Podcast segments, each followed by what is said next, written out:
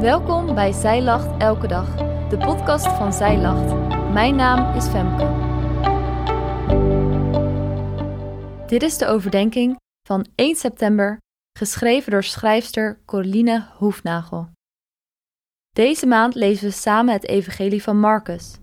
Dit Evangelie begint op een wel heel bijzondere plek, namelijk in de woestijn. Wanneer ik via Google zoek naar afbeeldingen van de woestijn, zie ik alleen maar zand. Verrassend. Af en toe loopt er een kameel of staan er wat kale rotsen afgebeeld, maar dat is het dan ook wel. Hoewel ik nog nooit in een woestijn ben geweest, krijg ik er door deze afbeeldingen wel een bepaald beeld van. Het lijkt een hete, eenzame plek.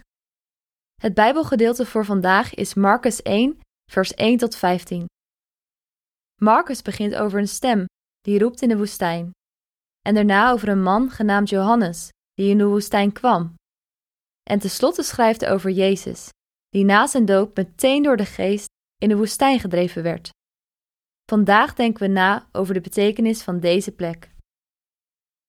Wat wordt er eigenlijk bedoeld met de woestijn? In de Bijbel is het heel vaak een metafoor.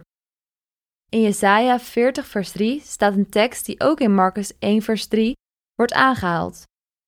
Hierin staat: De stem van iemand die roept in de woestijn. Maak de weg van de Heer gereed. Maak zijn paden recht. De woestijn kan meerdere betekenissen hebben. In Jesaja was het een beeld voor de ellende van de mensen die in ballingschap waren gevoerd. Maar God wilde het volk redden. Hij komt om het volk weer uit ballingschap te voeren.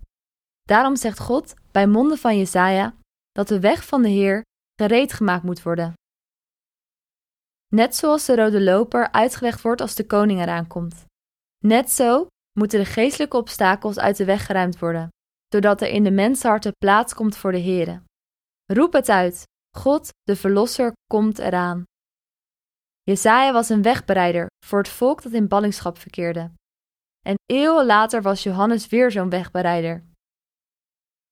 In de woestijn begint hij niet alleen de mensen te dopen, hij roept de mensen ook op tot bekering en bereidt hen voor op de Verlosser die er aankomt.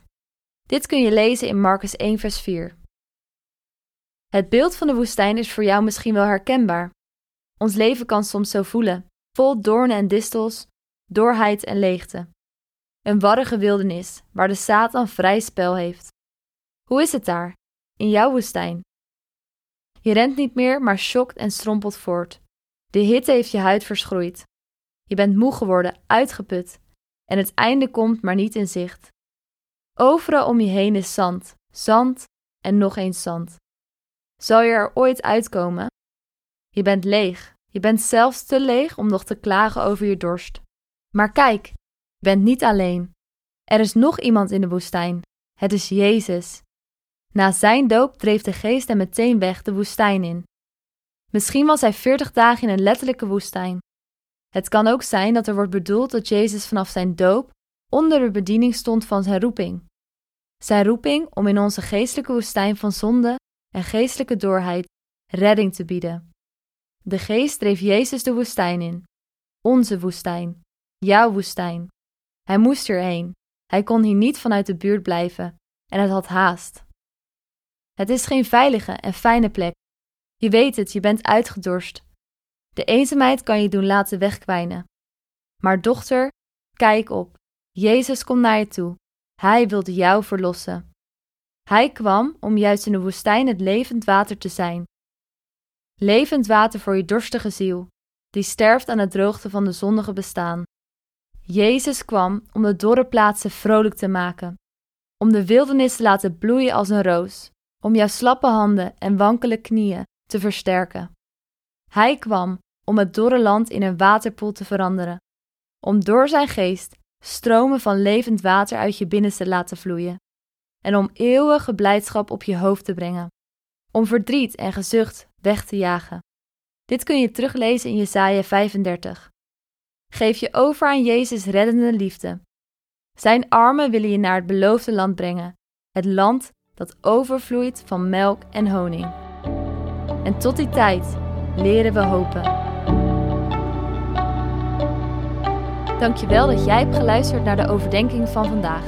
Wil je de overdenking nalezen? Check dan onze website Je vindt er ook meer toffe dingen die jou helpen om de Bijbel vaker te openen, zoals boeken, Bijbels, cursussen en evenementen. Morgen ben ik weer bij je terug met een nieuwe overdenking.